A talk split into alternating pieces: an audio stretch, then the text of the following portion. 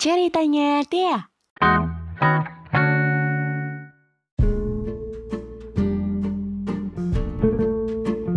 Halo semuanya, semoga semua pada sehat-sehat ya. Oke, kali ini dia mau cerita nih. Lah, kuliah di pertanian kok bisa sih desain grafis? Karena nih ya, banyak banget relasi baru dan teman baru aku tuh yang pada heran. Dikiranya tuh aku kuliah di jurusan desain komunikasi visual atau biasa kita dengar atau biasa kita deng kenal dengan diskonvis. Padahal tuh aku nih pertanian gitu loh. Barangkali sound klasik banget ya Sekarang tuh pekerjaan atau passion beda sama jurusan kuliah kita. Banyak banget nih kasus kayak gitu. Dan ternyata aku juga ngalamin. Jadi aku ini kuliah di jurusan penyuluhan dan komunikasi pertanian. Iya pertanian tapi juga ada komunikasinya. Itulah kenapa aku masukin jurusan ini di pilihan SBMPTN ku waktu itu. Karena aku feelingnya ya mikirnya ah kayaknya nggak terlalu eksak-eksak banget gitu. Jadi awalnya tuh gini. Dulu target pas kuliah itu ada satu nih, target yang aneh menurutku. Jadi aku punya target gimana caranya biar jadi hits, tapi dengan sesuatu yang beda dari yang lain. Nah, salah satu keuntungan hits itu kan punya relasi banyak nih. Apalagi kalau di kuliah tuh kita benar-benar bisa nentuin kita mau masuk di komunitas mana, kita mau masuk di organisasi mana, kita mau masuk di kegiatan mahasiswa yang kayak apa, dan tentunya yang bermanfaat baik pastinya. Akhirnya aku nemuin cara gimana aku bisa punya banyak relasi. Punya banyak teman gitu ya istilahnya. Tapi gini ya, sekarang tuh lagi sering banget aku dengar Allah punya teman tuh nggak usah deh banyak-banyak. Ya ada benernya, tapi itu balik lagi ke pilihan masing-masing. Kalau menurutku ketika relasi itu bisa jadi temen, why not? Kita bisa berkolaborasi, bikin ide baru, bikin inovasi baru yang bisa bermanfaat buat orang lain gitu. Nah, cara aku memperoleh relasi banyak itu dengan mengikuti hampir semua kepanitiaan event Biasanya sih dari himpunan atau dari BEM. Entah itu event rutin atau event baru juga. Nah, di kepanitiaan itu kan pasti ada ya bidang-bidangnya dari bidang acara, bidang perlengkapan, humas, desain, konsumsi, sekretaris dan lain sebagainya. Nah, biasanya nih di kuliah, mahasiswa-mahasiswa itu nantinya akan punya satu kecenderungan bidang di segala event.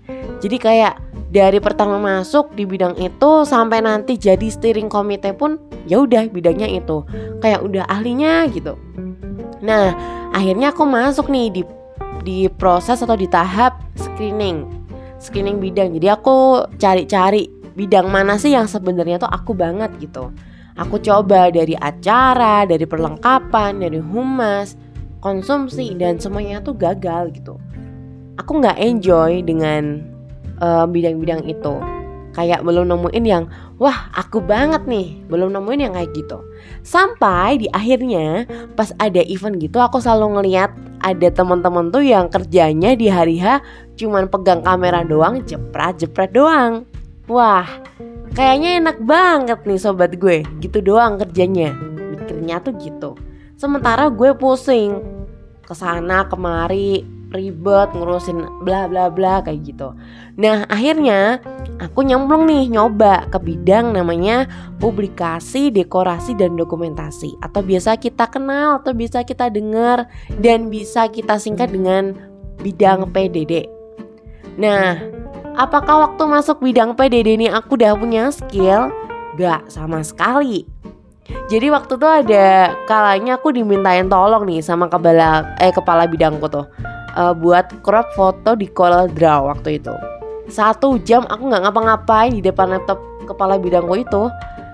Dan aku nyadar terus kan aku kayak wah nyadar nih langsung waktu itu. Wah nggak bisa aku mau nggak mau harus belajar di bidang ini. Akhirnya aku gabung di himpunan jurusan kan. Di sana aku masuk di bidang namanya teknologi multimedia. Jadi emang bergelut sama dunia, bikin konten, bikin desain, nge-publish kayak gitu. Nah, ada kejadian lucu nih waktu ini. Ah, jadi tuh uh, di awal-awal tahun 2016 aku dikasih tugas sama uh, kepala bidangku buat bikin MMT atau spanduk yang ukurannya itu 2 meter kali 3 meter. Karena aku belum bisa korel, jadi sebenarnya aku tuh bisa korel, cuman tuh kayak dasarnya aja gitu loh. Waktu SMA kan pasti kalau ada yang pernah lihat atau ada yang pernah denger tuh kayak uh, pelajaran Draw itu bikin logo Indosiar atau bikin logo apa gitu kan ya. Nah, waktu itu aku cuman pegang Corel itu waktu SMA doang, di kuliah tuh belum sama sekali gitu. Nah karena aku belum bisa Corel Ya aku ngide banget sok-sokan deh ya emang. Pakainya tuh Canva. Karena waktu itu Canva belum se-hype sekarang Di tahun-tahun awal 2016 itu. Cuman beberapa orang yang tahu tentang Canva gitu. Nah udah jadi nih desainnya dari Canva kan? Aku share ke kepala bidang. Nih mas uh, desainnya udah jadi nih. Sama masnya udah oke okay, udah ACC nih. Tapi dia bilang gini aku boleh minta nggak file Corelnya hah Corel apaan ya Corel dong buat yang yang buat kamu ngedesain loh bentar emangnya ini kamu pakai apa sih dek desainnya lah aku pakai Canva mas Waduh, ya udah kamu ganti ke Corel. Mampus gak tuh gue. Kayak ngebatin langsung kayak panik gitu.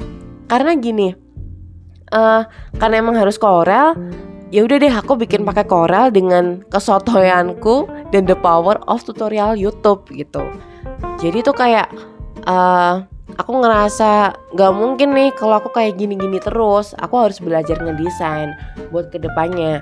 Karena gak mungkin aja dari situ aku langsung dong otodidak main Corel nih via via YouTube. Jadi aku tuh kayak um, ikut pelatihan kayak gitu tuh nggak nggak sama sekali. Jadi aku cuman lihat di YouTube karena aku mikirnya ketika kita bingung kita pengen tutorial itu lebih cepet kita searching di YouTube atau Google karena di situ kan kita ada gambarnya, ada tutorialnya kayak gitu kan. Kalau nanya ke temen mungkin juga bisa, tapi kalau enggak di saat itu langsung kita diajarin kan kita jadi kayak miskom kan. Jadinya aku mikirnya ya udahlah gimana caranya biar cepet tahu, biar cepet ngerti, cepet paham ada Google ada YouTube why not? Jadi aku belajarnya tuh cuman otodidak pakai YouTube dan Google aja waktu itu. Nah um, yang jelas aku asah terus kemampuan desainku ini. Apalagi di himpunan waktu itu aku dua periode masuknya tuh di bidang yang sama di bidang media. Udah nih dari sini juga kalau aku daftar event di luar aku selalu incer bidangnya tuh PDD dan ternyata malah jadi PDD abadi selama kuliah bahkan sampai sekarang gitu jadi kalau ditanya kok pertanian bisa sih ngedesain Sebenarnya jurusanku tuh juga ada mata kuliahnya. Tapi mata kuliah desain itu di semester 6 adanya.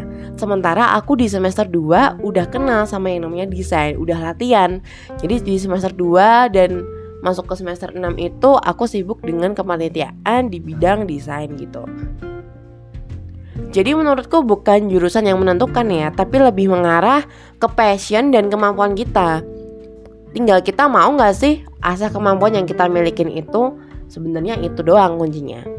Nah, semua orang yang baru aku kenal tuh selalu kaget.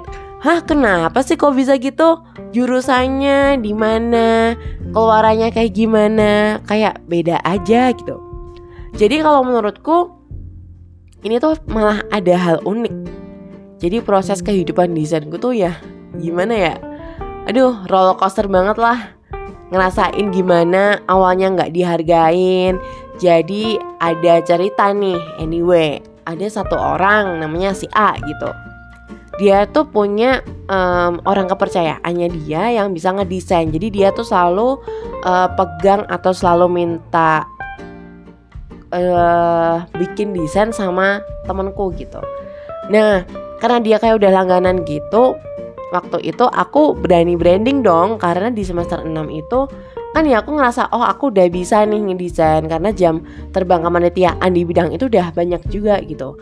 Nah akhirnya aku nggak branding aku kayak uh, nawarin bantuan uh, saya bisa nih bikin gitu. Udah tuh dibikin aku bikin aku share di grup waktu itu. Dan si A ini ngomong kalau ini tuh desain apa sih? Kamu bikinnya tuh kok kayak gini? gitu. Kurang cerah, kurang wah dan lain sebagainya.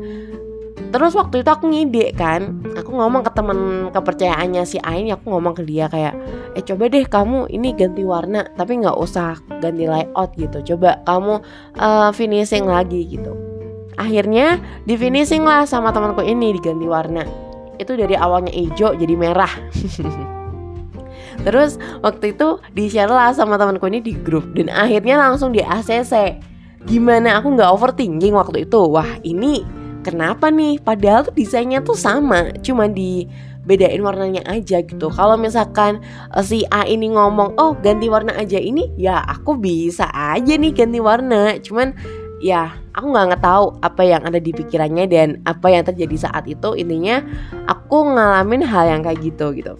Nah um, karena waktu itu udah di semester 6 karena kan aku juga um, pengalamannya di kepanitiaan tuh udah jam terbangnya udah ya lumayan lah banyak gitu. Jadi kesibukan aku tuh cuman kepanitiaan event di PDD ngedesain ngedesain ngedesain terus. Nah aku tuh kayak punya dendam dengan kejadian ini. Akhirnya aku balas dendam dengan aku branding diriku ini di eksternal. Dan akhirnya aku diberi kepercayaan buat nyusun desain bikin desain bikin konten di acara gede bahkan di tingkat univ. Jadi tuh kayak aku mikirnya kalau kemarin aku nggak ngalamin ini, kayaknya aku nggak akan branding diriku di luar. Aku nggak akan berani untuk um, membalasnya tuh dengan apa ya ngebuktiin gitu. Karena emang aku tuh balas dendamnya dengan ngebuktiin kalau aku tuh bisa lebih dari itu gitu. Nah aku tuh kayak ngedumel aja tuh kalau setiap ketemu sama si Ai nih tapi ya namanya proses ya. Jadi emang ada kalanya tuh dikritik abis-abisan nggak dihargain dibandingin. Dari awalnya nggak dibayar sampai sekarang jadi profesional. Dan ini tuh proses yang harus di share banget ke kalian menurutku karena aku banyak belajar juga nih bahwa kalau kita punya keahlian pun kalau kita nggak selalu latihan kita nggak upgrade diri itu nggak akan jadi apa-apa gitu. Apalagi nggak mau ngasah diri. Tapi ngasahnya tuh nggak cuma skill guys tapi ngasah uh, manajemen diri juga. Jadi kayak mau menerima dikasih kritik dikasih evaluasi. Karena menurutku sebagai desainer grafis revisi, evaluasi dan apa ya um, kayak koreksi itu penting banget buat hasil karya ke depannya. Karena kalau kita nggak tahu kekurangan kita yang di saat ini kita ngedesain apa, kita nggak tahu kurangnya, kita akan nggak bisa upgrade skill kita juga gitu. Apalagi nih ya kalau udah profesional, pasti ketemulah klien yang berbagai macam dan uh, klien yang berbagai macam itu bisa kita jadiin buat belajar upgrade skill desain kita gitu. So, jadi sebenarnya tuh nggak apa-apa banget ketika kita punya keahlian yang berbeda dengan jurusan kuliah kita, atau itu tuh malah jadi kolaborasi di antara keduanya gitu. Nah, aku ada pengalaman nih dulu waktu KKN, karena aku di bidang pertanian, jadi aku mau nggak mau harus memberikan program kerja kepada warga sekitar tentang pertanian.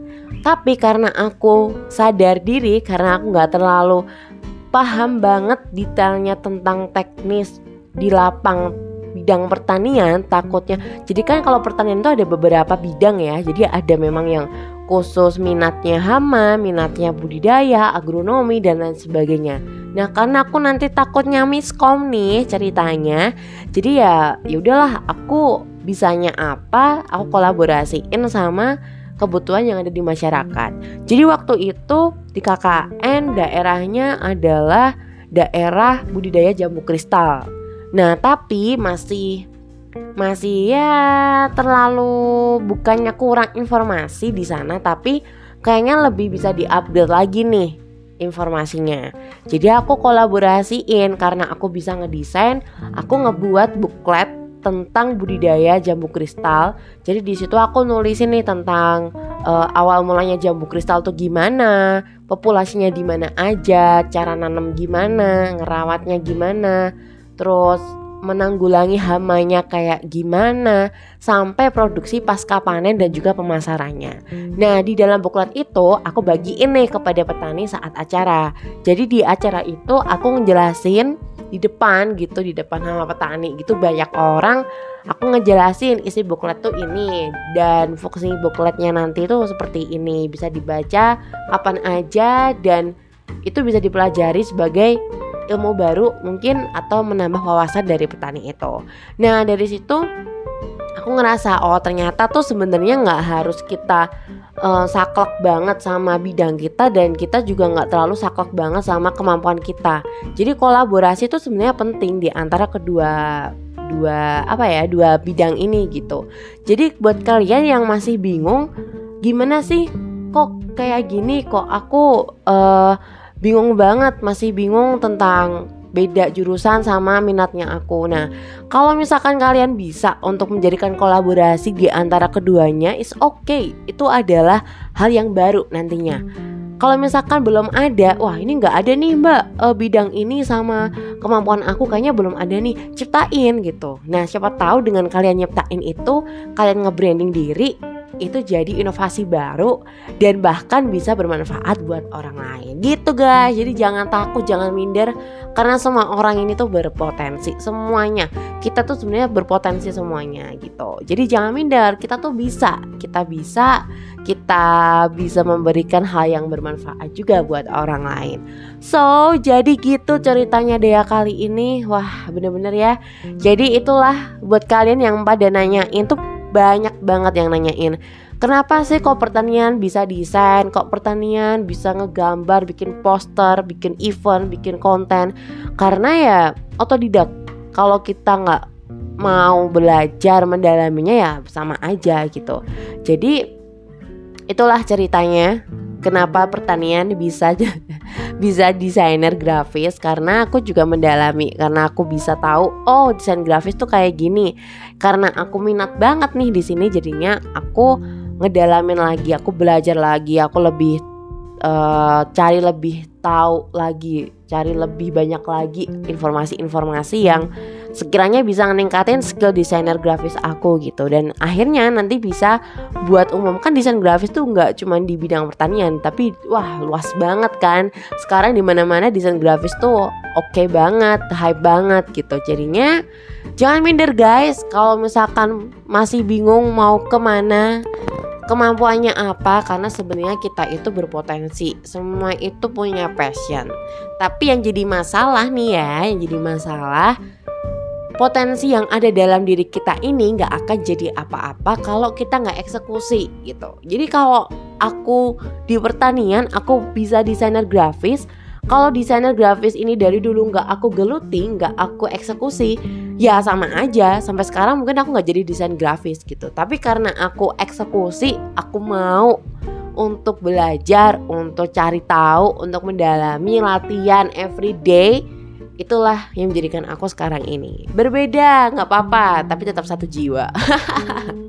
So jadi gitu ceritanya Dea kali ini. See you di cerita Dea selanjutnya ya. Thank you. Sehat-sehat semuanya. thank you